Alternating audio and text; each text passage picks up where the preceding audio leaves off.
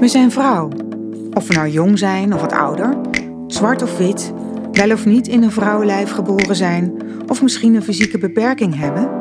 We zijn allemaal vrouw. En natuurlijk zijn we het niet altijd met elkaar eens.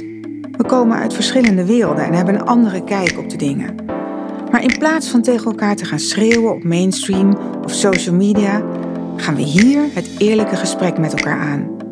Met open kaarten en met de billen bloot. Maar altijd vanuit liefde en respect, met het oog op begrip en verbinding. Maar natuurlijk wel met de nodige vrouwelijke power. Dit is Kaarten op tafel. En vandaag leg ik mijn kaarten op tafel met Karin Bloemen en Jasmin Sendar. Welkom. Ja, dankjewel. Karin Bloemen, cabaretière, zangeres, actrice heb ik hier staan. Uh, ja, je behoeft eigenlijk geen introductie. Hè? Iedereen weet volgens mij wel wie nou, Karin Bloemen is. Wel, vertel maar hoe. even, even, even je cv voorlezen. Ja. Zitten we hier morgenochtend nog? Ja, dus dat, dat vult goed. En uh, Jasmine, ja, Jasmine kennen we natuurlijk ook. Uh, kent ook iedereen van, van, van televisie. Je bent actrice, presentatrice, zangeres. Dat weet niet, misschien niet iedereen dat je ook zingt. Nee, maar dat uh, moet ik ook wel eerlijk zeggen. Ik uh, schreeuw dat ook niet van de daken. Ik heb vriendinnen die gewoon echt heel goed kunnen zingen. Dus ik ja, dan word je wat bescheiden. Ja, dan dat word je heb echt, ik met mijn man. Ja, ja. ja. ik durf ook echt. Ik kan ook niet echt zingen natuurlijk, maar ik vind het leuk ik, om te doen. Maar ja, ik dacht dat ik toon kon houden, weet je wat? Totdat ik verkering kreeg met Charlie, dacht ik, laat maar, maar zitten. Maar ik weet dat jij kan wel echt een beetje goed. Jij kan wel zingen. Het is dus ook maar. geen wedstrijd ermee. Dat gaat erom dat je geniet van zingen en geniet van muziek maken en muziek ervaren. Weet je, als je alleen maar vergelijkt met de beste, dan uh, hou ik ook op. Terwijl ik echt heel goed ben. Maar dus, dus dat. Ja, maar het is echt waar. Je moet ontzettend oppassen. Je moet het voor je plezier doen. En, en er, Ja. dat is wat het leven uh, je biedt. Nou ja, en er zijn toch ook hele bekende zangers, denk Elvis Costello of dat soort mensen, die helemaal niet zangtechnisch sterk zijn of zo, maar wel toch iets te bieden hebben. Oh, dan wil iemand een glaasje water. Ja. Iets te bieden hebben, of je weten te raken met hun muziek. Ja, nee, maar daarom, daar gaat het om. Want sommige mensen kunnen niet zingen. Ik, ik heb ook, heet ook, weet die ene zanger die alleen maar.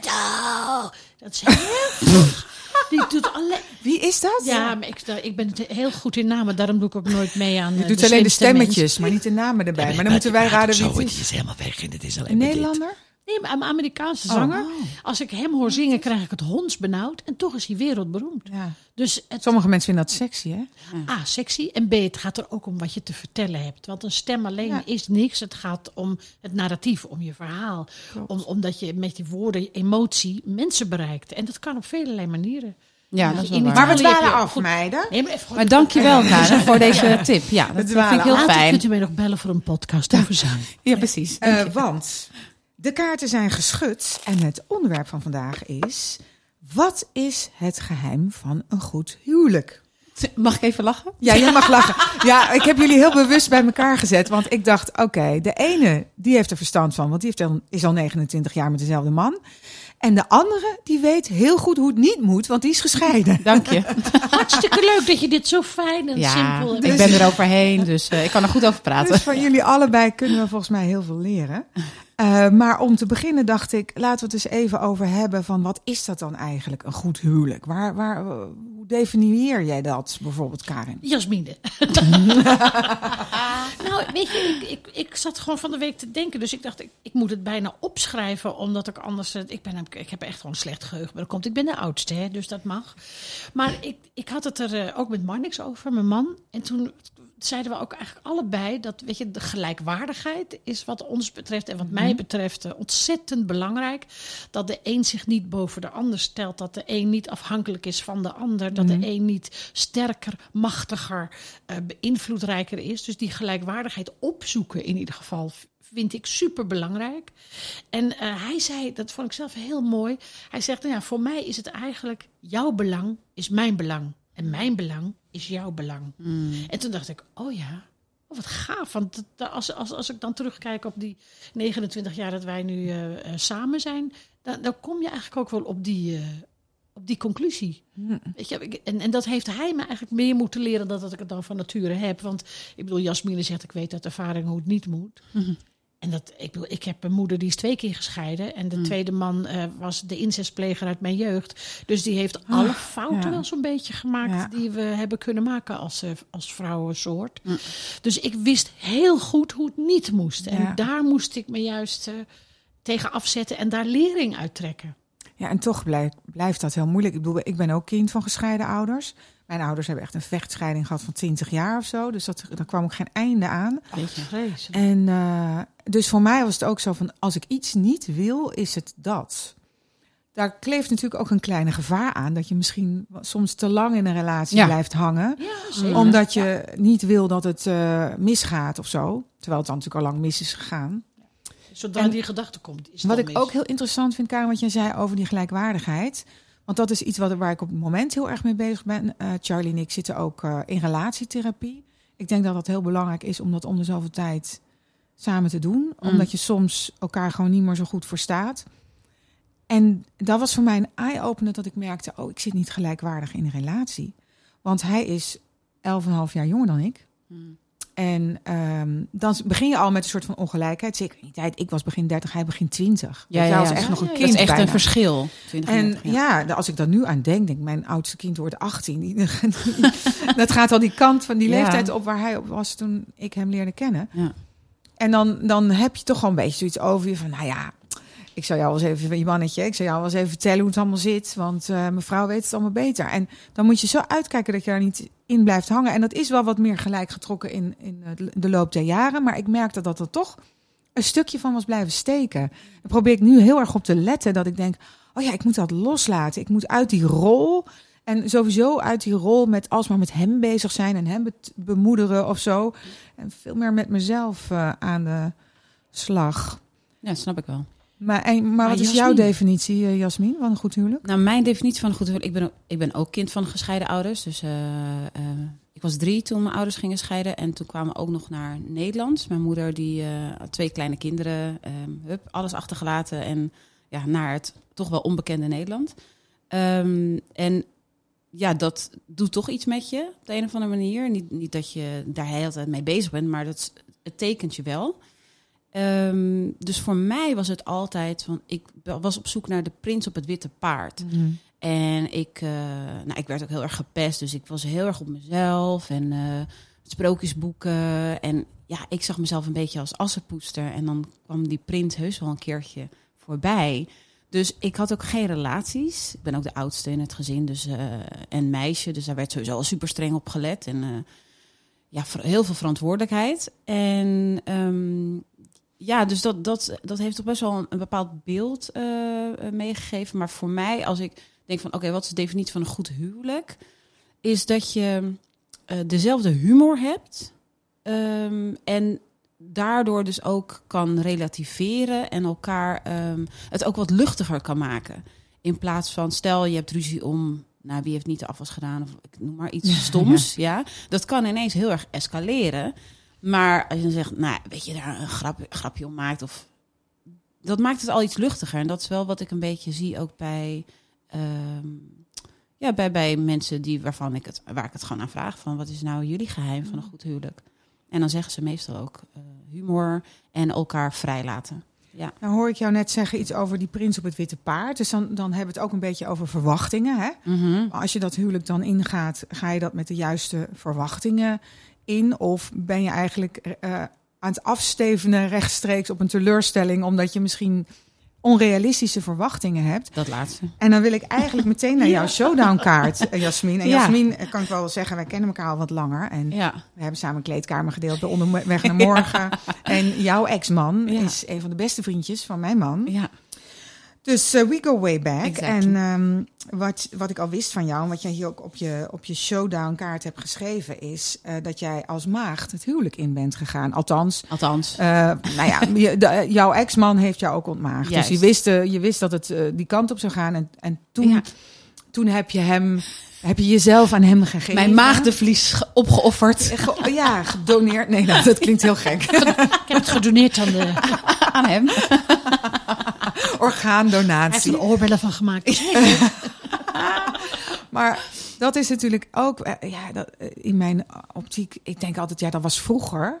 Maar jij bent een heel stuk jonger dan ik. Hè? Jij bent 43, ik ben eh 54. Ehm, dus hoe, hoe zit dat dan? Want was dat ook een heel bewuste keuze van jou? Van oké, zo hoort het. En ik ga als maag dat, dat huwelijk in. En ik geef mezelf alleen maar aan die ene. Ja, Was je zo opgevoed? Ja, ik was zo opgevoed. Ehm, wat ik net al zei, ik ben eh, enige dochter, de oudste. Dus er lag best wel wat druk op mij. En ook van, eh, je bent een meisje, wees zuinig op je lichaam. Ga dat niet aan iedereen geven. En het was niet zo dat ik, voordat ik eh, mijn ex-man leerde kennen... dat ik geen jongens eh, leerde kennen. Maar ik was ook altijd one of the guys. Dus dat was ook een ding ik werd heel snel gefriendzoned. Ik werd niet gezien als... Oeh, Jasmine, Geloof ik helemaal eh, niks van. We kijken naar jou waar. met enorme verbijstering. ja, maar jij bent ook mis, weet ik veel wat allemaal geweest. Ehm, Ja, nee, echt gefriendzoned. super knap. Dank je, maar mm, no, dat was al... Maar misschien was het ook een beetje hoe jij het zelf zag. Ja, dat, dat, dat vooral. En ook, ehm, ik was ook best wel... Nou, ik had zoiets, ik had best wel wat verwachtingen. En ik had zoiets van, als ik dan iemand eh, leerde kennen... Ja, we gingen dan wel zoenen en zo. Maar toen zei ik op een gegeven moment, als het moment daar... dan was ik, nee, nee, nee, nee, nee, nee. nee. Bewaar ik voor Ja, die ene waren. Ik wil zeker weten paard. dat jij degene bent. En ik heb echt ooit een keer een date gehad. En die heeft dat later gezegd. Die is gewoon letterlijk weggerend. Omdat hij zoiets had van... Ik kan niet aan die verwachtingen eh, voldoen die, Nee. die zij heeft. Van, oké, dus als ik seks met haar heb... dan wil ze meteen trouw en kinderen krijgen. ja. Ja. ja, ja, ja. En toen zei ik, nee, helemaal niet. Nou ja, uiteindelijk was het dus wel zo. Ja. En maar heb je nou het idee dat het je geholpen heeft? Nou ja, ik heb altijd gezegd... als ik ooit een dochter eh, zou hebben... dan zou ik tegen haar zeggen... mm, don't. Ga, Ga gewoon lekker spelen, Ga shoppen. spelen, spelen, spielerij. Ja. En ontdek jezelf. En, eh, Het dat- gek is als je dat als ouder tegen je dochter zegt, gaat hem niet worden. Nee. Die hebben er niet van, jezus mam, duh. Nou, dat heeft mijn moeder tegen mij gezegd. Ja. Was, je, was je er blij mee? Nou ja, dat kan ik meteen naar mijn showdownkaart. Eh ik heb opgeschreven. Ik, kan, ik zou heel veel showdownkaarten vol kunnen schrijven met dit thema. ik maar moest heel ik heb- nadenken. Opgeschreven, ja, grappig. Eh, maar ik heb opgeschreven, mijn ouders hadden een open huwelijk. Dus ik kom uit zo'n heel links-progressief nest. Oh, wauw. En ehm, ook over seksualiteit en vrouwelijke seksualiteit. Hele moderne progressieve opvattingen. Dus mijn moeder zei altijd van seks is gewoon hartstikke fijn. Moet je vooral doen. Oh, wauw. Het is hartstikke leuk. En je wees wel eh, zuinig. Als in, eh, eh, zorg dat je veilig vrijt. En zorg dat je niet zwanger raakt. En oh ja, en één boodschap was ook altijd van... zorg dat je niet te jong aan een man blijft plakken, zei ze altijd. Oh ja. Uiteindelijk was het wanneer blijf je keer niemand plakken. Maar ik nam dat advies misschien niet zo letterlijk. Maar, eh, en dat, dat uiteindelijk werkte dat ook niet echt. Want ik, eh, ik stapte de grote wijde wereld in met het idee van... nou, leuk, daar gaan we. Mhm. En voor je het weet werd je enorm geslutshamed. Dus ik, eh, ik, ik ben vrij snel geleerd van... oh, nee, wacht even. Ik moet, dat heel, ik moet daar heel preutig over praten. En ik moet En de conclusie moet toch eigenlijk zijn, weet je wel, te vrij werkt niet. Nee. En te strak werkt ook niet. Nee. Zoals Alles waar te voor staat. Ja, maar nee, maar dus de balans ligt altijd in het midden, weet je. En Mhm. die zoektocht is eigenlijk het allermoeilijkste. Ja. Waar ligt precies de balans tussen... ik voel me vrij om, maar ik voel me niet te vrij dat, weet je. Mhm. Ja. Maar dat lijkt me, want zij is dan, eh Jasmin is dan als maagd het huwelijk ingegaan.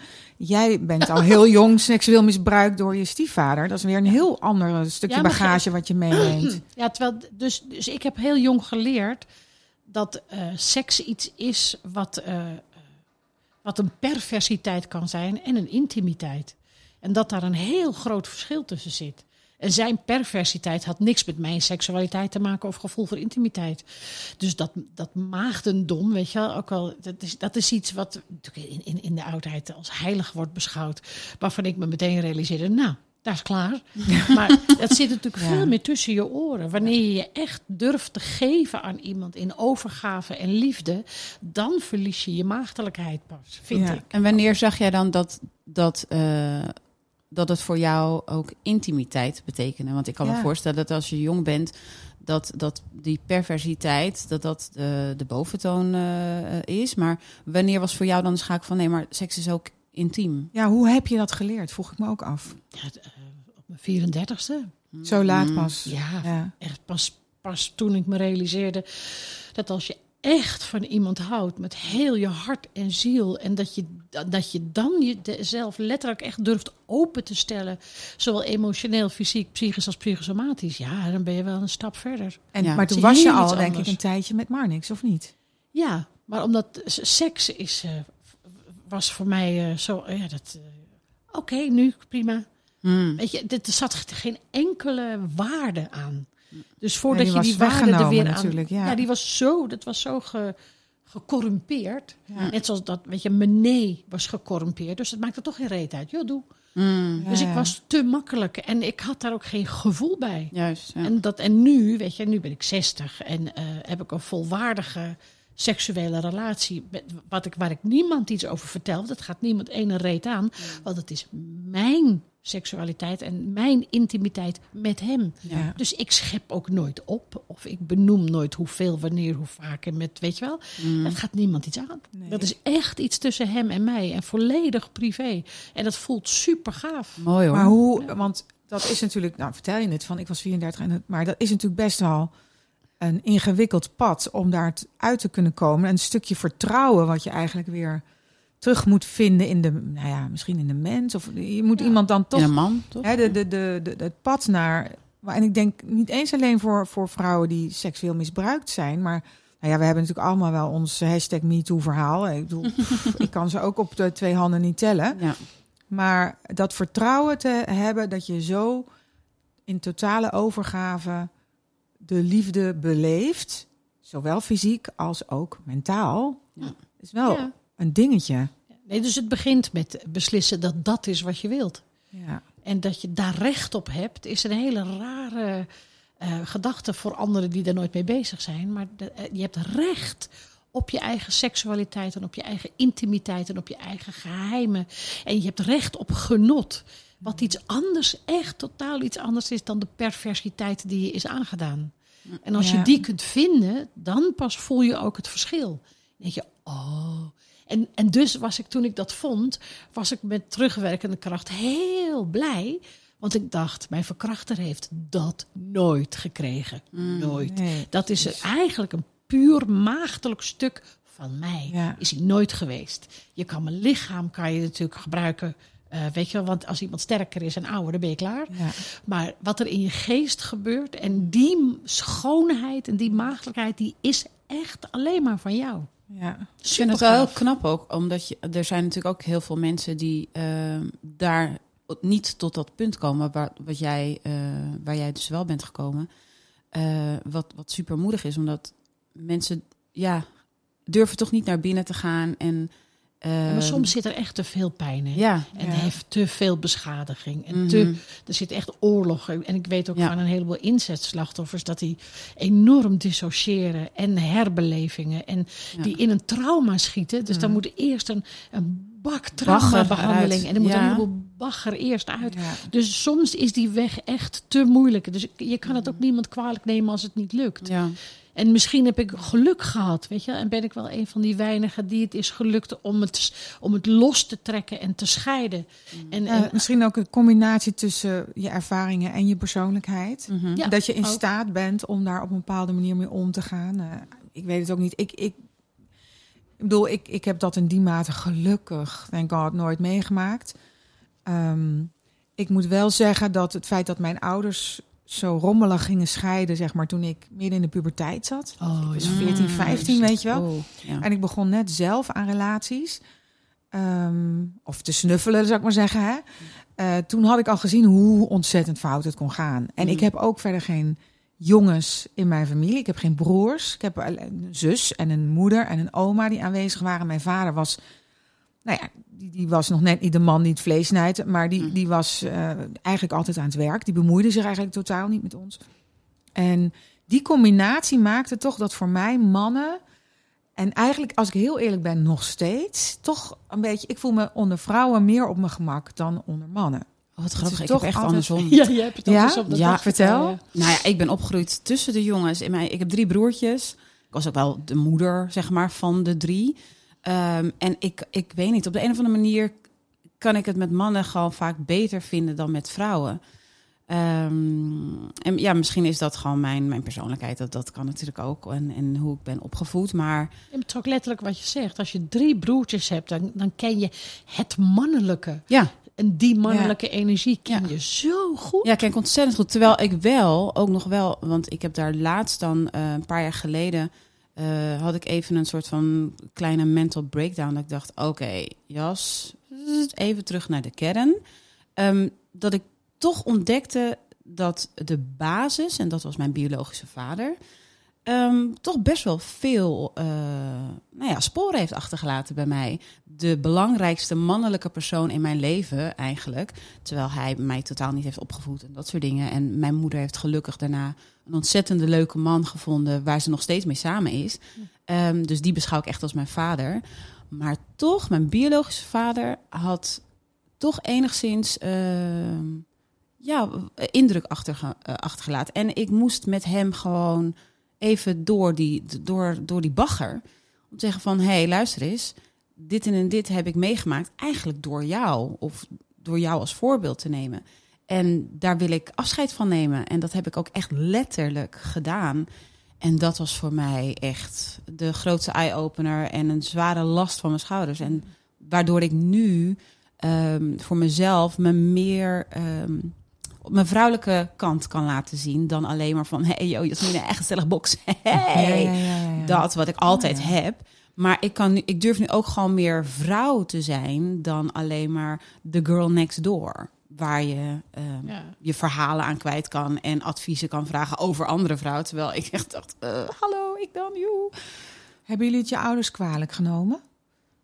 Die ervaringen, die natuurlijk je kleuren in, in de rest van je leven, maar zeker ook in de relaties die je aangaat en hoe je daarin staat. Eh, ik heb het mijn biologische vader wel eh, kwalijk genomen, ja. Eh, maar ik heb hem ook bedankt. Ehm, omdat ik het heel belangrijk vond om dat te doen. Eh, omdat ik daar ook heel veel van heb geleerd. En ook omdat daardoor mijn moeder de kans heeft gekregen om een ontzettende leuke man ehm, te leren kennen. Die ehm, Ja, wel wel goed wel. voor haar is Ja, en echt En voor de vaderrol dus. Ja. he- op zich heeft genomen. En ehm, waardoor ik alsnog een vaderfiguur in mijn leven heb. En ehm, ik daar ontzettend dankbaar voor ben. Je straalt ook helemaal Ja. als je over hem praat.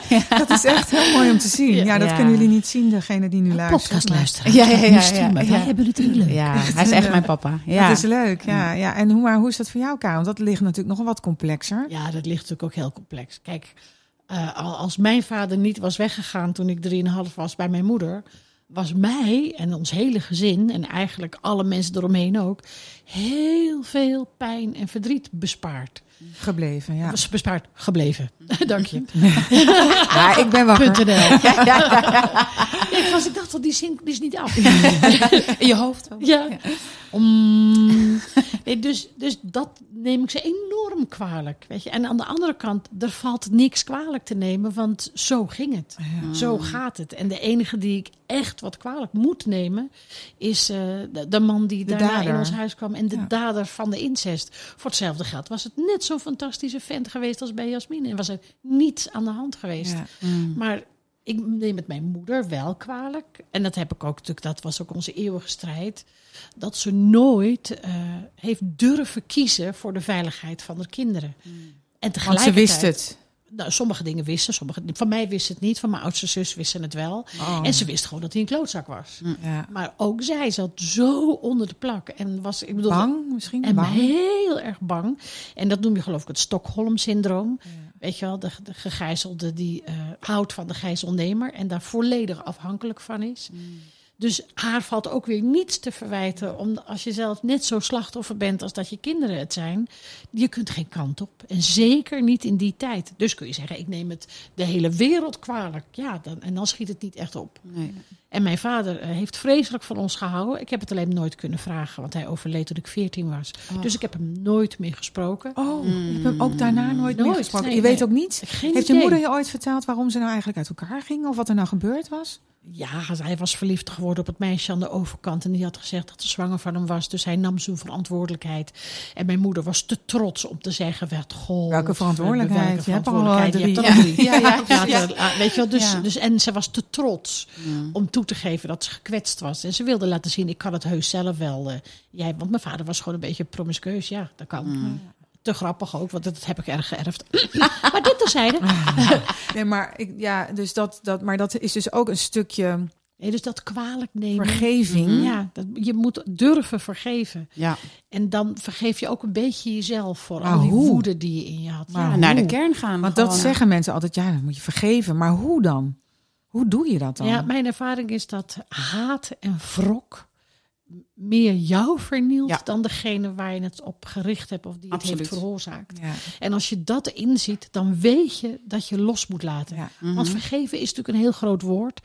Je moet loslaten. Ja. Nou ja, dat wou ik zeggen, want dat is nog, zijn nog twee verschillende dingen. Want vergeven, voor mij, wat mij helpt, hè, ook om dingen te begrijpen soms, hè, of tenminste het vergeven, het begrijpen helpt mij om te vergeven. Ja. Dus wat ik dan altijd probeer, hè, als iemand iets gedaan heeft wat mij heel diep heeft gekwetst, of misschien niet zo diep, maar gewoon gekwetst, dat ik me afvraag van wat is daar nu precies gebeurd en wat bezielde diegene en wat heeft gemaakt dat diegene dit deed. Was diegene echt bewust bezig met van ik wil haar verdriet doen? Of spelen er andere krachten? En op het moment dat ik dat dan begrijp en ik kom erachter van oké, die was er niet op uit om mij pijn te doen, maar die heeft gewoon handicaps of onhandigheden of misschien zelfs wel een stoornis of ook een heleboel meegemaakt. Ik kon niet anders vanuit zijn of haar perspectief. Dan maakt het voor mij makkelijker om ook te vergeven. Om gewoon te denken, ach, heb ik het, kan ik het zelfs met iemand een beetje te doen hebben. Ook al heeft iets heel naars gedaan. Ik denk, hoe groter de misdaad, hoe moeilijker dat is. Ik denk Ja. als iemand je kind vermoord heeft of zo, Eh, weet ik niet ja. of je dan... eh, Of je dan wilt vergeven. Dat ja, is, eh, dat is ook, ja, maar, Maar dat is dus ook het dat, loslaten. Mhm. Loslaten, loslaten. En dat is natuurlijk het mooie van bijvoorbeeld zen-boeddhisme. Dat je, je kunt daar eh, je lering uittrekken door er alleen al over te lezen. En Oosterse filosofie. Dat, weet je, dat, dat je voortdurend zoekt naar de balans. En dat je ook je- jezelf in dat licht goed bekijkt. En dat je durft los te laten het belang van al je gedachten en je wrok en je haat en je woede en je dit en je dat. Het zijn allemaal maar eh, eh, tijdelijke situaties. Laat het los. Probeer echt los te komen van al die gedachten. Want ze, they haunt you. Ja, ja, ja, zeker. Vaak ik in bed heb gelegen dat ik dacht, ik moet hiermee ophouden. Weet je wel, zeker dus pas toen ik mijn boek schreef. Toen, Toen pas, rakelde je natuurlijk ook weer alles op. ja, maar je rakelde op en tegelijkertijd kwam inzicht en inzichtelijkheid. En eh, kon ik het loslaten. Want door om het uit je hoofd op papier te zetten, maakt ook, als ik eraan terug wil denken, kan ik altijd mijn boek lezen. Kan ik het zelf doen, dan weet ik weer wie ik was toen. Mijn ware verhaal heet het boek voor de luisteraars die misschien leuk vinden om het dan ook alsnog te lezen. Ja, ja, Maar sindsdien eh, droom ik een stuk minder van. Ja. Dus eigenlijk is de basis van een goed huwelijk, of een gelukkig leven eigenlijk, als je het in bredere zin doet, is eigenlijk om heel erg aan jezelf ook te werken en je eigen demonen op een of andere manier een plek te geven of op te ruimen. Dus eigenlijk stap één, toch? Kan ik dat concluderen? Ik denk het wel. Maar en, en ook elkaar als individuen zien en, eh, en dat respecteren. Niet denken, oh, you make me complete. Eh, ik weet niet meer uit welke film Ja, eh, al die was. Of romantische al- ja, beelden. En- word je toch ook eigenlijk, ja. dat zet je zo op het verkeerde been, Ja, toch? echt. En dat was voor mij altijd zo van, oh, en ze leefde nog lang en gelukkig. En al die sprookjesboeken. En toen dacht ik, fuck dat. Nee, ze leefde, punt. Ja, en dat lang en gelukkig, dat weet je Dat namelijk weet je nooit. niet. Want zelfs na Nee. 29 jaar kan ze morgen ruzie krijgen. Hè? Karen, kan je morgen Nee, ruzie nee, krijgen nee, met Marnix? nee, Klop hem af hoor. Even afkloppen. Maar je hebt geen garantie. Nee, Nee. ik heb nooit garantie. Maar dat is, ik bedoel, de afspraak is ook dat je je dat je in, in het huwelijk, tenminste Marnix en ik, eh, zijn soms ook iets te eh, eh, weet je, eh, een, grote eh, Symbiotisch. sy- symbiotische eh, mutsenplutsen, waar, waar we erg om moeten lachen. Maar juist de, de, het respect hebben voor elkaar om hij doet wat hij doet en ik doe wat ik doe. En het respect dat iedereen dat ieder dat mag, is al super belangrijk. Ja. Die, dat is ook een balans zoeken. En als ik iets doe wat hem niet bevalt, moet hij het eerlijk zeggen. En, als, en andersom. Dus natuurlijk heb je ook clashes. Maar dat is juist goed. Vaak hebben wij echt het ook een beetje kinderachtig eigenlijk. Maar dan hebben we ruzie. En daarna moeten we heel hard lachen. Ja. En dan Ja. we, wat geestig, wat een ruzie, wat gaaf. En dan Weet je, dus we houden het aan niet zo lang vol. Humor is onze redding heel vaak in dat soort situaties. Zelfrelativering. En vooral ook jezelf niet zo belangrijk vinden. Ja. Weet je, wel, slik eens een keer, twee keer. En denk eens na voordat je gaat. Juist die wijte eh, stroom waar je op kunt zitten. Want je kunt mensen heel makkelijk pijn doen. Ja, met woorden. Heel Mhm, makkelijk. Ja. Zeker. Woorden kunnen zo lekker snijden. Ja. Als ik wil, heb ik hem zo beledigd dan op de kast. Ja. Maar ik wil hem helemaal niet Nee. beledigen. Want het is mijn beste vriend. Ja. Het is mijn maat. Het is mijn partner. Het is mijn partner in crime ook. Maar zo mooi dat je dat ook zegt. Want ik, eh, dat je ook zegt, hij is je beste vriend. Dat was ook een van de dingen waar eh, Oprah Winfrey dus eh, een keer vroeger in haar talkshow zei. Waarom zij en Stedman zo lang samen zijn. Ze zegt, kijk, je moet, eh, nou, je moet samen zijn met je beste vriend. Want je gooit geen borden naar je beste vriend. Je scheldt je beste vriend niet uit voor rotte vis. Je hebt toch een bepaald soort respect naar elkaar toe. Waarom moet je dat dan wel met je partner eh, dat doen? Toen dacht ik wel van jeetje, ja, dat is wel het allerbelangrijkste. Dat je elkaars beste vrienden bent. Want daardoor heb je dus al een level van respect. En een stukje gunnen, denk ik ook. Hè? Ja. Absoluut. Ehm, ja. En er is ook altijd nog zoiets van dat je soms in een relatie kom je dan nu ook wel achter in die relatietherapie. En je leert er enorm van. Ik kan echt nogmaals, kan het iedereen aanraden. Maar dat we er ook achter kwamen dat je soms in van die wel eens niet eens discussies terechtkomt. Mm. En dat het heel erg voortkomt uit dat gevoel van ehm, dat wij eigenlijk allebei, Charlie en ik, allebei op, het, op hetzelfde gebied tekort komen. Of tekort zijn gekomen als kind. Mm. En dat we daarin dus eigenlijk niet genoeg ruimte hebben. Dus iedere keer als iemand dat van je vraagt, dan is het net alsof er een stukje van je afgenomen wordt uit dat ene zakje waar al bijna niks in zit. Ja, dat je ja, denkt, ja. pak dan, als je stel je hebt twee zakjes met snoep en in de ene zitten eh, rode snoepjes en de andere gele. En je hebt nog maar twee gele. En je hebt een hele zak rode. En hij wil iedere keer een van die gele. Dat je denkt, pak die rode dan. Ik heb niet genoeg gele. En dat je allebei eigenlijk tekort komt in dat zakje.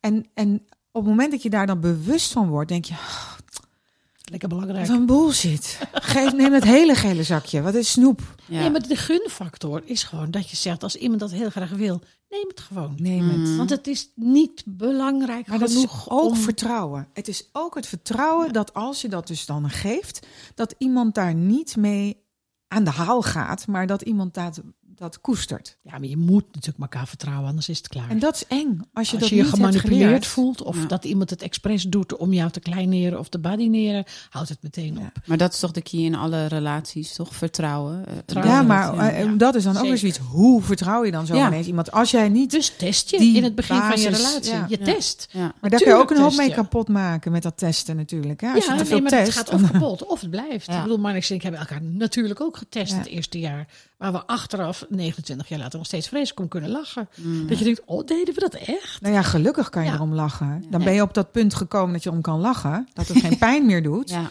Maar als je iemand test door... Hè, want ik heb dat ook wel in het begin. Ik had echt wel serieuze bindingsangst, kan ik wel zeggen. Mm.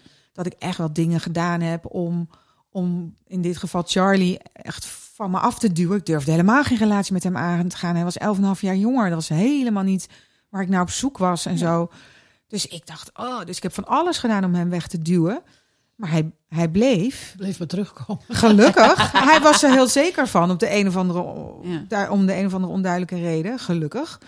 En dat gaf mij zoveel eh, vertrouwen dat ik durfde om met hem het diepe in te springen. Maar in de tussentijd had ik hem natuurlijk al wel een aantal keren best wel pijn gedaan. Ja. En dat heeft zich later weer gewroken in de relatie. Dus dat krijg je dan toch altijd weer ergens op je bord. En, eh, maar dat is, ja, dat is ook gevaarlijk, weet je wel, testen. Mhm.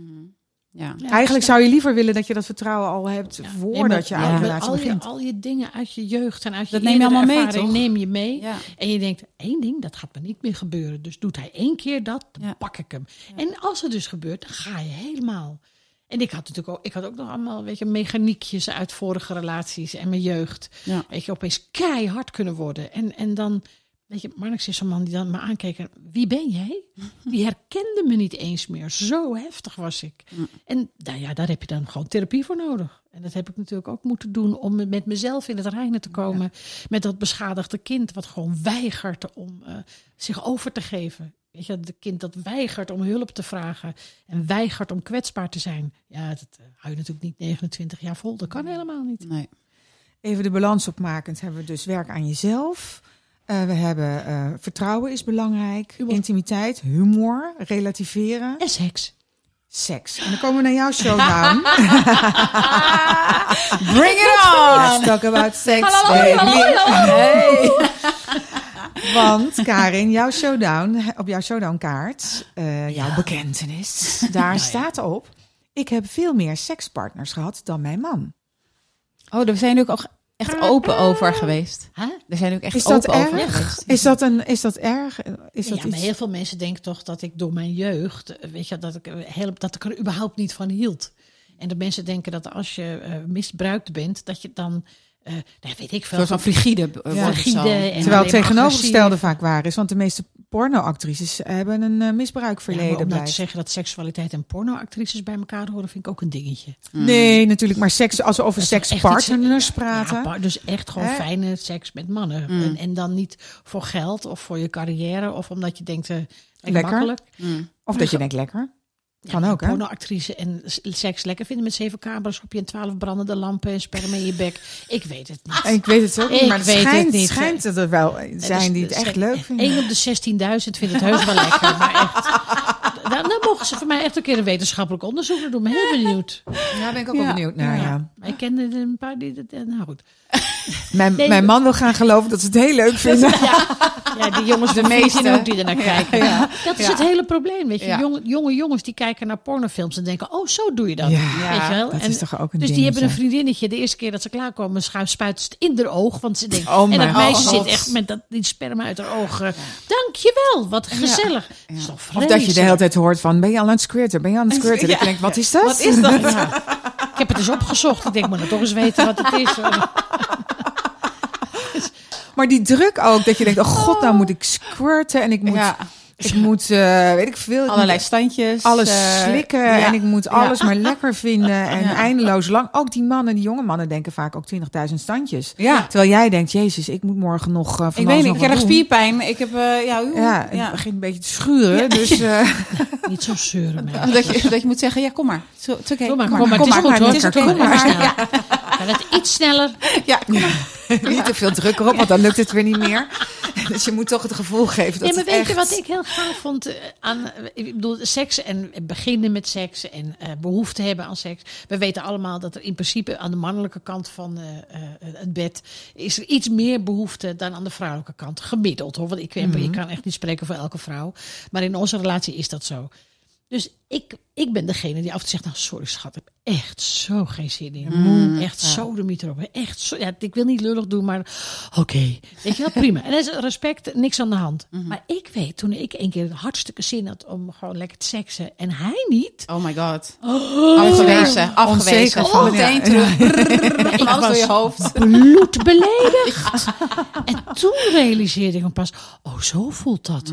Oh wat is dat erg. Oh wat erg. Afwijzingen, Echt, ja. je, je voelt je echt afgewezen tot in de kern Dat van is je leuk. ziel. Want jij zegt over dat ratelen in je hoofd. Ik zag een eh, TED-talk van Brene Brown. Oh my god, ik heb hem ook gezien. Die Ja, dat zegt van wat ik dan tegen mezelf zeg. Ja, Dus wat wij allemaal tegen onszelf zeggen, hè, waar we onszelf enorm onzeker heel mee eigen verhaal. Heel dat hele stemmetje in je hoofd dan zegt, oh, hij wil me niet meer, hij vindt me niet aantrekkelijk, het is over, misschien heeft iemand anders, of Ja. blablabla, al die teksten die door je hoofd gaan, terwijl hij alleen wil, nou, maar, dat is echt heftig hoor. terwijl hij alleen maar ook een beetje moe is, of misschien heeft hij net iemand begraven, of hij heeft Ja. een to-do-lijst van hier tot Tokio. Hij is ook mens. Ja, dat vind ik allemaal van die aannames. Ik hou er niet van.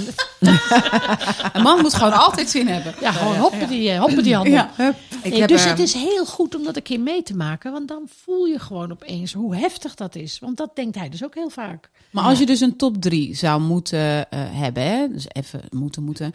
eh, wat zijn dan de drie dingen eh, eh, waarbij, waarbij dus een huwelijk, zeg maar, succesvol kan zijn? Oh, ik sorry, heb ze Sam. voor je. Oh ja? Oké. Serieus, top. het zijn er ook Top echt drie. Echt? Nee. Oké. Ik heb het opgezocht, heb een Ja. beetje research Connect, gedaan. ja. En ik heb dus echt gewoon drie punten voor je. Nee, oké. Wat een cadeautje, hè? Oké, dank je. Ja, fijn. Schrijf ze even op als Ja, je de, erg vindt. de ingrediënten eh, voor een goed huwelijk, volgens New York Times schrijfster Tara Parker Pope. Oké. Onthoud die naam. Ja. Poop ook dat je denkt, nee, dat Ja, gaat ja. toch goed. De paus gaat ons vertellen wat... eh Tip 1. ja. Hou het positief. En daar eh bedoel, bedoelt ze mee. En dat, ik vond het eerst, dacht ik, hou positief. Nou, lekker makkelijk, kort door de bocht. Maar wat ik er leuk aan vond, is ze zegt... Vier leuke momenten en gebeurtenissen. Echt met, met, met bubbels en kaarsen vieren. dingen vieren. We- toen dacht ik, ja, dat doe ik ook veel te weinig, weet je wel? Wij doen het elke week, maar goed. Ja, maar ja, daarom zijn jullie 29 jaar al samen. dat is heel opschepperig ook dat, sorry. Maar wat Nee, maar ja. maar wat Dat is dan misschien ook een van die waardevolle ingrediënten. Dat je gewoon kleine succesjes of kleine... Of het Alles was een goede vieren, dag.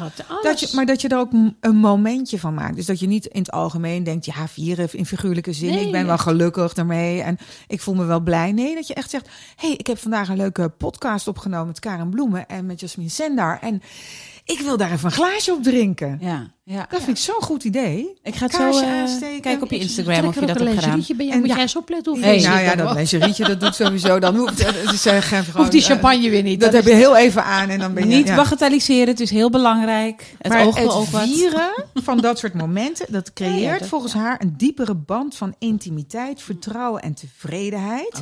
En dat schijnt het tegengif te zijn voor de slechte momenten. En dan moet je er dus voor zorgen dat het vijf staat tot één is. Dus vijf tegen, eh, nee, sorry, vijf mooie momenten. Als je één slecht moment hebt of één tegenslag, dan moet je er vijf vieringen tegenover zeggen, zetten en dan is het erased. Oh. Of gecompenseerd schijnbaar. Oké. Oké, I'm gonna check vond een hele one. Handige formule. Denk, Oké. ik hou ervan, van dat soort concrete feiten. Ik ga toepassen Vinken, zodra ik weer in kunnen een we relatie afvinken, zit. Check, check. Ja.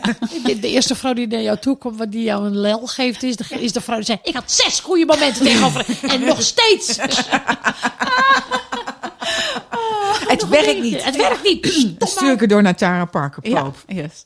Eh, nou, eh, eh, puntje twee is hou je vrienden. Dat zie je natuurlijk ook wel vaak. Je hebt, ik heb ook wel eens van die vriendinnen die, die, die zijn dan constant aan de telefoon totdat ze een vriendje, vriendje krijgen en hoor je ze nooit meer. Ja, Zo verschrikkelijk. begrijpelijk, schat. De Ik vind dat zo De verschrikkelijk. ander zegt Ja. Zo begrijpelijk. Vertel, hoezo is dat begrijpelijk? Ja, omdat je gewoon even geobsedeerd bent. En dat, Ja. dat gebeurt. Je, Ja, maar dan moet je wel weer uitkomen. Ja, natuurlijk moet je eruit komen. Maar Maar, sommigen geef ze even drie maanden. Ik Ja, heb mijn vriendinnen Oh, nooit verweten dat ze even weg waren. En zij mij ook nooit. Maar dat is dus drie maanden ongeveer. Nee, maar drie, Uiteindelijk vier volgens- maanden. En uiteindelijk, ja, zegt het maar. Volgens Tara Mhm. is het dus zo dat je daar dus niet in moet blijven hangen. Mhm. ja, ja, In, precies. eh, want de, dan verlies je natuurlijk ook jezelf. Ja. En dat hebben we natuurlijk ook allemaal, denk ik, wel meegemaakt in relaties die niet zo goed gingen. Zeker. Hè, dat je op een gegeven moment jezelf een beetje kwijtraakt. En dan ook je ankerpunten en je referentiekader Ja. kwijt bent geraakt. Hè? Want als je die vrienden hebt verwaarloosd. ja, dat is ook zo. Dus zij zegt ook, het is gezond, ah, gezond om fijne vriendschappen te hebben. Dat is natuurlijk ook zo. Maar het belangrijke is ook, op het moment dat je die andere vrienden hebt, leg je ook minder druk op die partner in Ja. emotionele zin. Ja. Want je stelt minder emotionele eisen aan hem, want je, die worden voor een deel gecompenseerd door de Ja. steun en, en, en de contacten die je hebt met je vrienden. Zo had ik dat ook nog niet bekeken. Ja, dat is wel een goeie, ja. Want omdat je, eh, wat ik wel eens heb gezien dan, is dan ehm, bij een vriendin van mij en, en zij en haar man. En haar man, ehm, ja, die had best wel weinig vrienden en het ging in een relatie met haar. En die vrienden vervielen eigenlijk een beetje. En hij zat constant op haar te wachten. Weet je, dus dan kwam zij van het werk en eh, dus dan was meteen zo like, hup, Ja, eh, vastklampen. En dus op een gegeven moment. Van, ja, ja. ja, ja, werkte dat super verstikkend. En had echt zoiets van. "Oh, zoek je eigen vrienden, ga Ja. iets doen en los van mij. ja. En eh, uiteindelijk hebben ze die balans wel gevonden. Dus dat Oh, was wel, eh, ja. Nee, maar plus de, de, de, de, de notitietje erbij. dat je ook je man of je partner moet je gunnen dat hij zijn vrienden heeft. Mhm. Want er zijn natuurlijk ook relaties dat, dat de man of de vrouw... Ga je weer? eh? Ja, dat tegenhoudt. ja, ja, Ja, ja. Die, die Ja. tegenhouden, Ja. omdat ze voelen dat daar een intimiteit is waar ze eigenlijk jaloers op zijn. Bang voor Mhm. zijn, bang Ja. voor verlies. Ja, Ja, dus Maar je dus dat moet is ook niet bang zijn voor ja. verlies, maar juist blij zijn juist. dat je partner. Ik bedoel, mijn, mijn man heeft echt al 40 jaar. Nou ja, ja echt bijna 40. De- al- al- Weet je, de- de- dezelfde vrienden, Mm. echt van zijn middelbare schooltijd. Dan gaat hij echt elke maand heeft hij wel een afspraak met een van die vrienden. Gaat hij lekker drinken, we praten, een boom opzetten, tennissen. Weet je, hij heeft echt zo'n club mannen waar hij zich heel senang bij voelt. En dan komt hij altijd blij vandaan. Dan denk je, nou, hoe gaaf is Heerlijk, dat? Ja. toch? Ja. En in het begin voelde hij zich soms wel eens schuldig. Zo van, ja, dan moet ik weg. Dan ben jij net thuis. Want ik ben natuurlijk heel vaak aan het werk. Normaal, Ja. als er Ja. geen corona is. Maar je, normaal Ja, ben ik ja, aan het werk. hè, Als dat- geen corona is. Heel, Ben ik heel druk. Ja, ja, ja. Nee, maar dus dan voelt Ja. hij zich een beetje bezwaard, omdat ik dan thuis ben op maandagavond en dan gaat hij weg. Ja. En ik zeg, doe even normaal, man. Dat is super belangrijk. Ja. Dus doe lekker. Dus durf die partner ook die Durven, ruimte te geven voor die vrienden. Ja. Want als je En- dat niet doet, gaat dat tussen je instaan. Ja, plus Zeker. het is een, eigenlijk voor jou ook een, een zware emotionele last om, om constant maar die support te zijn voor je partner in je Mhm. eentje. ik ben er trouwens wat minder goed in hoor. Ik, kan, ik, eh, ik ben heel slecht in het onderhouden van vriendschappen. Oh, nou ja, dan neem dit even te harte. ja, neem ik, neem, ik neem dit even te Heb je harte. het opgeschreven? Ja, ik heb het niet op mijn showdownkaart staan, maar ik ben een hele slechte vriendin. Dat is wel, Maar waarschijnlijk vergeven ze het je, want als je er bent is het zo gezellig. Ook niet. Oh, geloof ik helemaal niks van. Nee, Goed, Ja, puntje oké. drie. Punt Puntje drie, drie. punt drie. Ja, ze willen Want, afronden. eh, ja, nee, nee, ik wil niks afronden, maar we hebben natuurlijk ook niet honderd jaar de tijd, helaas. Ja. Hou de actie. En dan zegt ze, eh, je moet samen spannende dingen doen. En dan eh, denk je meteen aan seks. Nou, dat klopt. dat is één onderdeel. Maar ze heeft het ook over Bungee jumpen.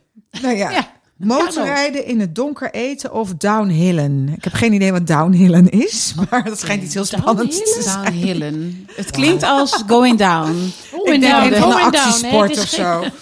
Maar, eh, eh, en echt samen nieuwe dingen ervaren schijnt dus heel goed te zijn. Want dan Ja, krijg je in je ja. huwelijk een kick onder de kont om uit de monotone prima sfeer te komen. Heb jij nu dus deze punten eh, met Charlie besproken? Nee. Ik dacht, ik doe het eerst met jullie. Had ik geen tijd voor. Ik was dit gesprek aan het voorbereiden. Ik heb helemaal geen tijd voor mijn man, geen tijd voor seks, geen tijd voor gesprekken. Helemaal niks. Ik heb hem naar zijn vrienden gestuurd. Oh, oké. Nou, dat is, dan komt hij in ieder geval blij terug. Na de Zo podcast in het huwelijk in Tanja. Ja, precies. Overdag, Hey, Jambers. overdag doet ze een podcast, maar s'avonds. ligt zij in ruzie met haar man. Oh jongens. Nee, maar nou. dus iets spannende dingen doen. En Ja. het is er samen die ervaringen opdoen en dat delen. En dan, weet je, ook in... in Iets nieuws iets proberen. nieuws. Ja, super. Is er iets nieuws, iets nieuws wat jij en eh, Marnix eh, hebben geprobeerd? Die glimmer in je ogen weg, dat zou wel fijn zijn. nee, maar Marnix en ik proberen al door nieuwe dingen. Weet je, ook in, in reizen. En, eh, Daarom zijn we hebben zo lang 100 samen. Ja, daarom zijn we ook zo lang samen. Weet je, 100 meter geupsiled. Echt? Weet je, dan een grot in. En dat je ook weer Oh, terug moet omhoog. Wat, je, wat ik even vergeten was. was jammer. Weet je, dat soort... eh, en en gekunde zo'n zo'n zo'n river... Ja. De, de wild eh, dingen. Oh, Nou, ik denk dat wij dat ook echt moeten gaan doen hoor. Want er stond iets over leuk, ja. spannende dates zijn beter dan gezellige dates. En wij zijn echt ontzettend van de gezellige. Van de gezellige. Dat is zo gevaarlijk. Ja. Want voor je het weet zit je alleen nog maar met die wollen, geitenwolle sokken op de bank te Netflixen. In je onesie. In je onesie. Ja. ja. met, je, met je vogelnestje op je achterhoofd, weet je wel. Maar hoe kan je nu in deze coronatijd iets spannends Ja. doen? Ja, Ja, dat, ja, maar dat is nu dus Nou, ook heel erg Eh, lastig. panic, panic room? Of Panic nee, niet die panic room. Hoe heet het ook weer? nee, hoe heet dat nou? Dropping in het bos. Een Het heet niet een panic room, hoe heet zo'n escape room? Escape room. Escape room. Dat hebben we laatst met het gezin gedaan. Dat was superleuk, zo'n spel. Ja. Hadden we ooit Enig. gekocht voor de kinderen, nooit gespeeld. Toen zijn we dat gaan spelen. Was superleuk, konden we ook zien hoe slim onze kinderen waren. Vond ik ook heel fijn. Ja. Nou, ik, wij doen de Jatzee-competitie, dat is ook leuk. Ja, weet ik- je, als je het nog nooit gedaan hebt, is dat misschien ook heel spannend. Als je dat dan weer heel vaak doet, dat is heel moeilijk is wat dat wij doen. misschien ook niet het ding. Oh, ja, Ik wil even naar de het is hartenvrouwen. grappig. Dus dat het hoogtepunt van de week was dat Marnix tien Jatzees had gegooid. En zo blij was dat ik dacht, oh mijn god, dit is ons leven. Karin, het Leven gaat de niet goed hoor. Nee, Het gaat niet goed het is hoor. een lockdown. Je wil naar die 30 jaar, kom op. Ja. Oh, dat halen we net. Maar ik had jullie dus ook gevraagd om allemaal een hartenvrouw op te schrijven. Een vrouw die jullie op het gebied op- van dit onderwerp, zeg maar, heeft geïnspireerd. Ja. Positief of negatieve zin. Wie had jij? Ik heb een Klaartje. Klaartje is, mijn, eh, is onze therapeute. Oh, ja. Dus eh, waar we nu natuurlijk volop eh, in de leer zijn. Dus dat is ook zo mooi van die coronatijd. Dan heb je dus tijd voor dat soort dingen. Ja, voor cursussen, zeker. voor zelfhulpboeken lezen. Moet je de goede kiezen. Dat is natuurlijk Ja. wel een dingetje. Maar, maar of in therapie gaan. En, en ah, dat heeft ons zoveel geholpen al in de communicatie. Dat je denkt, oh, hebben we dat echt zo lang al zo verkeerd Stom, gedaan eigenlijk. ja. En het, is zo simpel op te lossen door gewoon een paar communicatietrucjes. Hè, door bijvoorbeeld woorden als altijd en nooit niet te gebruiken. Oké, nou dat is er dan misschien al. maar ook door ehm, vanuit je eigen gevoel te praten. Dus constant vanuit je eigen gevoel en dan niet. Ik heb het gevoel dat jij eh, dat en dat en dat verkeerd doet. De passive aggressive. Ik voel me dat, nu eh, onzeker of ik krijg nu een paniekgevoel als je dat zegt. Is dit wat je bedoelt of zo? En dan ontwapen je iemand onmiddellijk en dan is die dreiging weg uit, dat, uit die discussie en dan krijg je gewoon een open gesprek. Zo fijn. Dus Klaartje, halleluja. Oh, Klaartje. nou wat fijn om Ja, te horen. leuk Maar ik heb hier staan, even kijken. Zo heel, heel jaloers. Heel zuur, ja. Leuk voor je. Ja, leuk. De jouwe Karin is je eerste balletlerares, hè? Ri- Riva? Met- Nee, ze, heet Rina Wai. Rina Wai. Maar ik had veel meer eigenlijk eh, weet je, het rolmodel van iemand waar ik me aan optrok toen alles fout was in mijn jeugd. En eh, dat, je, dat je zo ongelukkig bent en zo niet met je vrouwelijkheid en met je liefdegevoel en eh, je kan geen kant op. En zij was eh, het toonbeeld van etherische schoonheid. Met hoe ze danste en hoe ze lachte en hoe ze bewoog en hoe ze zo mooi als ze was. En zij heeft me zo ontzettend eh, laten zien dat dat allemaal bestaat en dus kan. Dat ik, ik heb haar jarenlang als voorbeeld eh, gehouden in, mijn- in mijn vizier. Van ooit lukt het me misschien om zo hip, mooi, sierlijk, knap, vrouwelijk, zichzelf. En ze was ook altijd heel eerlijk en heel open. Dat vond ik zo gaaf. Mm. En als ze iets niet leuk vond, zei ze: Oh nee, dat vind ik helemaal niet leuk. dacht ik, oh. En dan, ik was altijd bang voor straf. Oh, dus, ja. dus zij was een groot voorbeeld. En zij heeft me echt zo begeleid tot aan mijn twintigste of zo. Echt van mijn elfde tot mijn twintigste. Hoe belangrijk dat is om zo, Zo. iemand in je leven te Ja. hebben, hè? Gewoon iemand waar je aan vast kunt klampen. Dus niet mijn Ja. moeder, niet mijn oudste zus, niet tantes en oma's, maar zij. Mm. Zoals ze liep. En Nou ja, als er maar één iemand is, een, een, een, een vrouw waarvan je denkt... en die jou net even dat zetje geeft of de ruimte creëert... Hè, om, Ja. om andere keuzes te maken dan bijvoorbeeld misschien je moeder... of de, de, de vrouwen die dichtbij Nee, je maar die staan. wist ik dat, daar moet ik niet het voorbeeld aan nemen. Dus je zoekt gewoon naar een rolmodel. Ja. Mhm. En dat rolmodel, nee, dat was, daar wist hij helemaal niks van natuurlijk. Dus, eh, en later had ik ook nog, ik had ik weer opnieuw balletles. Toen was ik 36 of zo, of 37. Toen dacht ik, oh wat grappig. Zij is nog steeds sierlijk en nog steeds Ah, zo ja. etherisch. En het is nooit veranderd, terwijl ik ben... eh, en zij had juist heel veel bewondering voor mij, omdat ik kracht en, en echt let kracht uitstraalde. Ja. Waar ik me helemaal niet zo bewust van was. Maar dat eh, zag zij. Mooi. Dus dat was gaaf. Ja, Kijk, en die therapeuten, als die hun werk goed doen, ben je eeuwig dankbaar. Zo heb ik er natuurlijk ook één. ja. Die mij laat zien weet je, de weg naar balans en de weg naar eh, je keuzes. En vooral eh, dat je naar jezelf kijkt en denkt, oh ja. Ja, die je Ja, hoort en die- ziet. die ja, laatste. Ja, Mm. Die oh ja. laatste, dat echt naar jezelf durven Dat kijken. ego, en dat je dat loslaat. Ja. Oh. Ja, het ego is echt vergif? Ja, dat egootje is een Mhm. dingetje. Ja.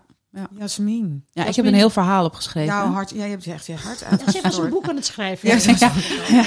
Eh, jij staat, er staat hier bij je hartenvrouw. Mijn inspiratie is mijn moeder. Na een scheiding heeft ze toch doorgezet met twee kleine kinderen. En een lieve man ontmoet waar ze nog steeds mee samen is. Al 39 jaar. Wauw. Mm. En nog plezier met elkaar hebben. Samen dansen in de woonkamer. Echt waar? Ja. Oh, ja. dat is wel echt mooi. Maar, is, maar ho, ho, ho. Mhm. Gaan we nu niet weer richting een soort van ideaalbeeld wat niet haalbaar is? Nou ja, er is wel, een, eh, er is wel iets waarvan ik zoiets heb van... ehm, ik wil absoluut eh, een man in mijn leven waarbij ik, eh, waar ik plezier mee heb. En eh, zij hebben ook echt hun struggles gehad hoor. Dus ik idealis- idealiseer hun relatie totaal niet. Ehm, maar wat ik zo mooi vind, is dat de kern zit gewoon goed. Het respect voor elkaar, maar ook elkaar zien en horen. ehm, dat gebeurt constant. En ehm, ja, dat zij dan spontaan in de woonkamer gaan staan dansen met elkaar. En dat wij als kinderen echt, "Uh, get a room, uh, weet je wel, zo grapjes maken. Maar ondertussen denk ik wel van, oh, dat is wat ik wil. Ja. Ik wil wel een man waarbij ik die me na 30 jaar nog steeds vastpakt. En, en, denkt, even, zo, kom, we gaan even ja. een lekker dansje doen. Of Heerlijk. whatever, weet Ja, je wel. Ja, ik denk ook dat dat heel belangrijk is. Ja, en, en wat ik van haar gewoon heel knap vind, is dat zij. ehm, zij heeft ook absoluut geen makkelijke jeugd gehad. En daardoor ook bij mijn biologische vader zo terecht is gekomen. En, en hij is ook wat ouder. En ja, ze dacht, oké, dit, is, dit is het dan. En dan twee kindjes ermee krijgen. En hij was totaal, eh, nou, geen vreemd bij het leven. En dat ze toch nog het moed heeft eh, gehad om te zeggen: ik pak mijn kinderen en ik laat alles achter en ik ga voor een beter leven. En dat ze dan nou ja, naar Nederland komt vanuit Curaçao en eh, ja, alles opnieuw moet doen. Ja, dat vind ik, vind ik wel echt. Ja, zij straalt voor mij echt kracht uit, maar ook moed en, En ze heeft ook, ja, ze is heel zorgzaam. Iedereen, iedereen loopt met haar weg. En in mijn jeugd vond ik dat natuurlijk soms irritant. Dacht ik echt, ja, mijn moeder, oh nee, maar je moeder is zo leuk. Dacht ik echt, helemaal niet. Weet je wel?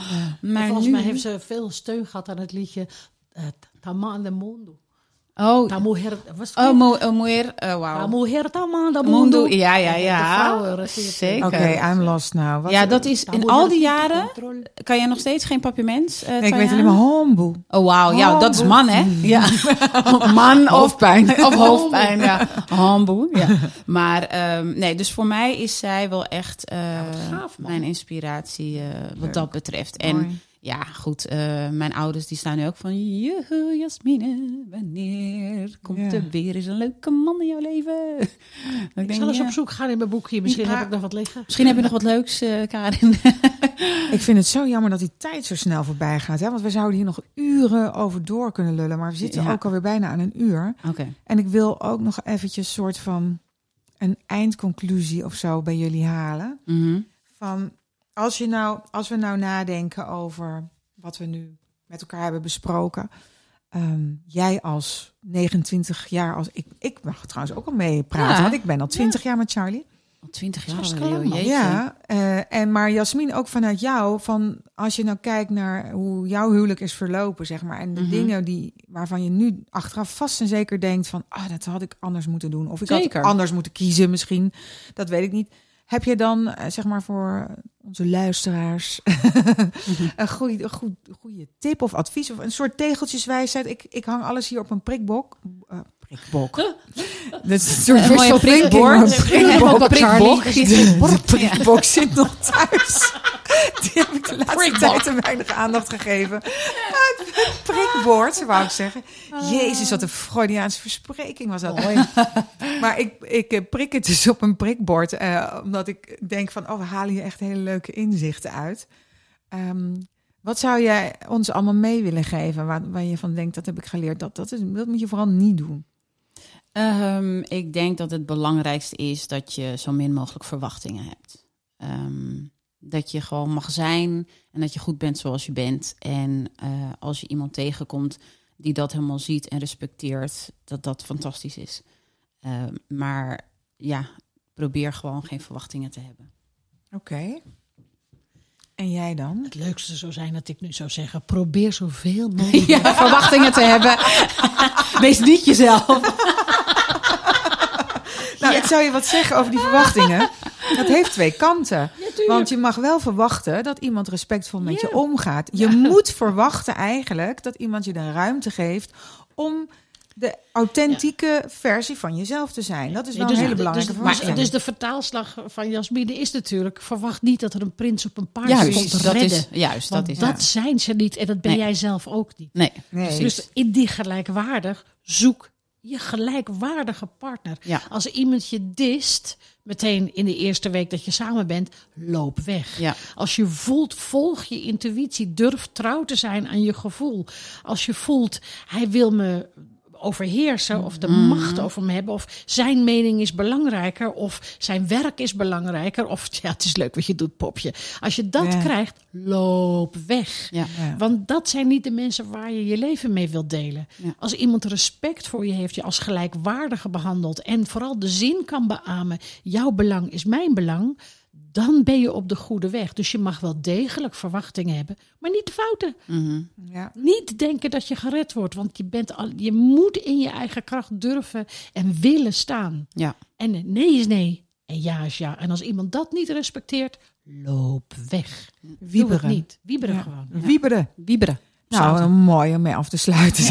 Wieberen. Punt. Ja, en blijf vertrouwen en blijf geloven, moet ik Ja, eigenlijk Ja. dat is het Blijf ook. Geloven in oprechte liefde, Ja. warmte, compassie Ja. en, en de, en de mooie kracht te van intimiteit. hebt, hè? als je het zelf te geven hebt, dat is bij mijn mantra dan altijd. Als ik het zelf te geven heb, en dat heb ik, dan zijn er meer mensen op deze aardkloot. Dan kan ik niet de enige zijn.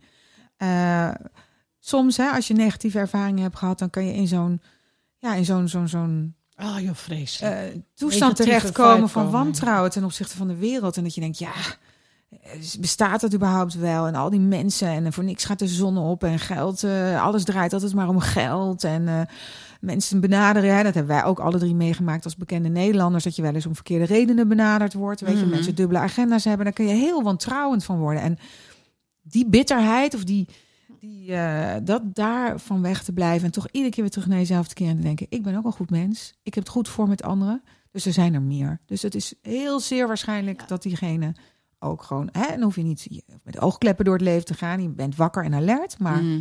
en wat je zegt, als je die signalen oppikt, ga je lopen. Ja. Maar hou ook dat vertrouwen, toch? Ja, zeker, zeker. Een mooie. Mooi, mooie ik vind dit toch mooi. Ja, ik heb eigenlijk nog wel een vraag, maar ik weet niet of Oh, dat, eh, je, hebt nog precies zeven minuten. Kom op. Seconden, zeven seconden. Seconden. Oh, oh, snap. Nee, kom maar door. met Nee, nou, ik als single, eh, Oh. eh, ja, in de, in de coronatijd. En Och, ja, dat is vreselijk. hè, hebben jullie daar tips voor? Vingeren. oh, schat. Kijk naar mijn nagels. Ze zijn ik kort heb nog iets echt- leuks voor je in een goodiebag. Nee, ik Voor al, die, voor al die mensen die nu dus, Ja. die single zijn en nergens wat heen erg. kunnen, is dat echt afschuwelijk. Ja. Mhm. Dus moet je nu nog meer op je tellen passen. Want Ja. die kwetsbaarheid, die maakt je nog kwetsbaarder. Mhm. En helaas is er geen oplossing. Behalve, weet je, spreek af met je vriendinnen en blijf praten met hen. Ja. En eh, vraag eens aan al die vriendinnen, heb je nog een leuke broer? Nou ja, maar je hebt ook natuurlijk, je hebt tegenwoordig, kijk, dat vind ik ook wel het dubbele van, van het dating tijdsperk waar we nu in zitten. Dat je dus via Tinder of weet ik veel, Mhm. hoe heet het? eh, Bumble, Second- Raja. second- nee, niet oh, Second oh, Life. eh, Nee. Wow, Second Life. hoe heet het Eh, nou dat je elkaar ontmoet eh, in de buurt bent? Grendel, Oh. Happen. Happen en zo. Ja. En geen idee. allemaal van dat soort eh, dating. Ja, wij zitten daar niet in, maar je hebt allemaal. Ik heb wel ook andere vriendinnen nog die daar ook mee bezig zijn. Je hebt een enorme vijver tegenwoordig waar je uit kan vissen. Dat scheelt. Ja. Vroeger ging je naar de plaatselijke kroeg en ho- hoopte je dat je daar iemand tegenkwam. Ja. Of misschien op je werk. Maar dat was het. Nu kan je in heel Nederland eigenlijk in principe gaan shoppen. Alleen, makkelijker. het is ook date is ook bijna een soort sport geworden. Dus Ja. dat is ook lastig. Maar goed, ik zou, ik zou toch nog een beetje lekker blijven swipen. Ja, dat is, dat is jullie advies. Nou ja, het- is niet een heel goed advies, maar why not, weet je wel? Ik bedoel, en, ik, en, en, en wat het leuke is van deze tijd, omdat je Neem niet hond. meteen close kan heb ik, worden. ja, heb ik, heb ik. Ja. Nee, maar omdat je niet meteen close kan worden, gaan mensen dus bijvoorbeeld, een vriendin van mij, die ging dus uit wandelen met die mannen. Mhm. Want op anderhalve meter afstand. En, en dan ik kan niet meteen op een zoen afsturen of nog meer. Nee. Dus dan ga je gewoon wandelen en heb je hele lange gesprekken. En dat leidt misschien wel tot meer dan wanneer je meteen checkt van... oh, hebben wij een fysieke klik? Nou, huppatee, dan duiken we het bed in.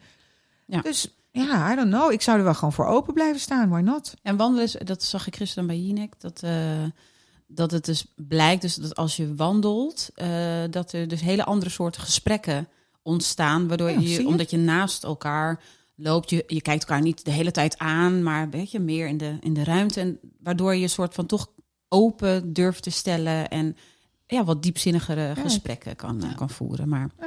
ja, het zijn de wandeldates. Vondelpark loopt Wandeldates. vol met eh, dating eh, apps. eh, Ja, maar ja, wat moet je anders? Want je kan niet werken, dus daar kom je niemand tegen. Bij jou in de Nee, woonkamer loopt vreselijk. ook verder geen leuke man Nee, rond, eh, behalve nee. je zoon dan. Maar ja, dat is een beetje gek. Ja. Daar hebben we geleerd van elkaar en dat gaan we niet doen. Nee, nee, dat doen we niet. Nee, maar je snapt wat ik bedoel, hè? Dus daar kom je ook geen, geen, geen mannen, dateable mannen tegen. Dus die zou wel moeten. Ja.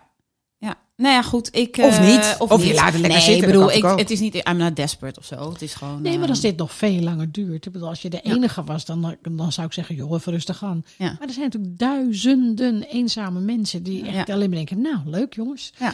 Weet je, alles is ook weg. Dus, dus Mhm. dat alles, er moet wel een deel weer van terug kunnen komen. Ja. En dan moet je echt op pad. Je moet, je moet niet denken, er komt op een dag iemand aan mijn deur bellen. Nee. Die zegt, hoi, ik ben het. Ja. Nou, zo werkt het helaas niet. Ja. Dus je moet op zoek. En die man, die zit in dezelfde schuit. Dus die heeft dit ook. Die leuke man die jij straks gaat ontmoeten, Mhm. die, die, eh, die, heeft, die zit hier ook mee. Ja. En die, hopelijk gaat hij dan ook swipen. We'll see, we'll see. Eh, Tot de volgende podcast met eh, To be continued. de dating apps. eh, Het vervolg. Saga. Met How It Happened. Hey, mag ik jullie ontzettend bedanken voor jullie komst. Ik vond het super gezellig. Ja, ik ook. En ook, ja, leerzaam. Ze hebben toch weer, ook weer stof om over na te denken.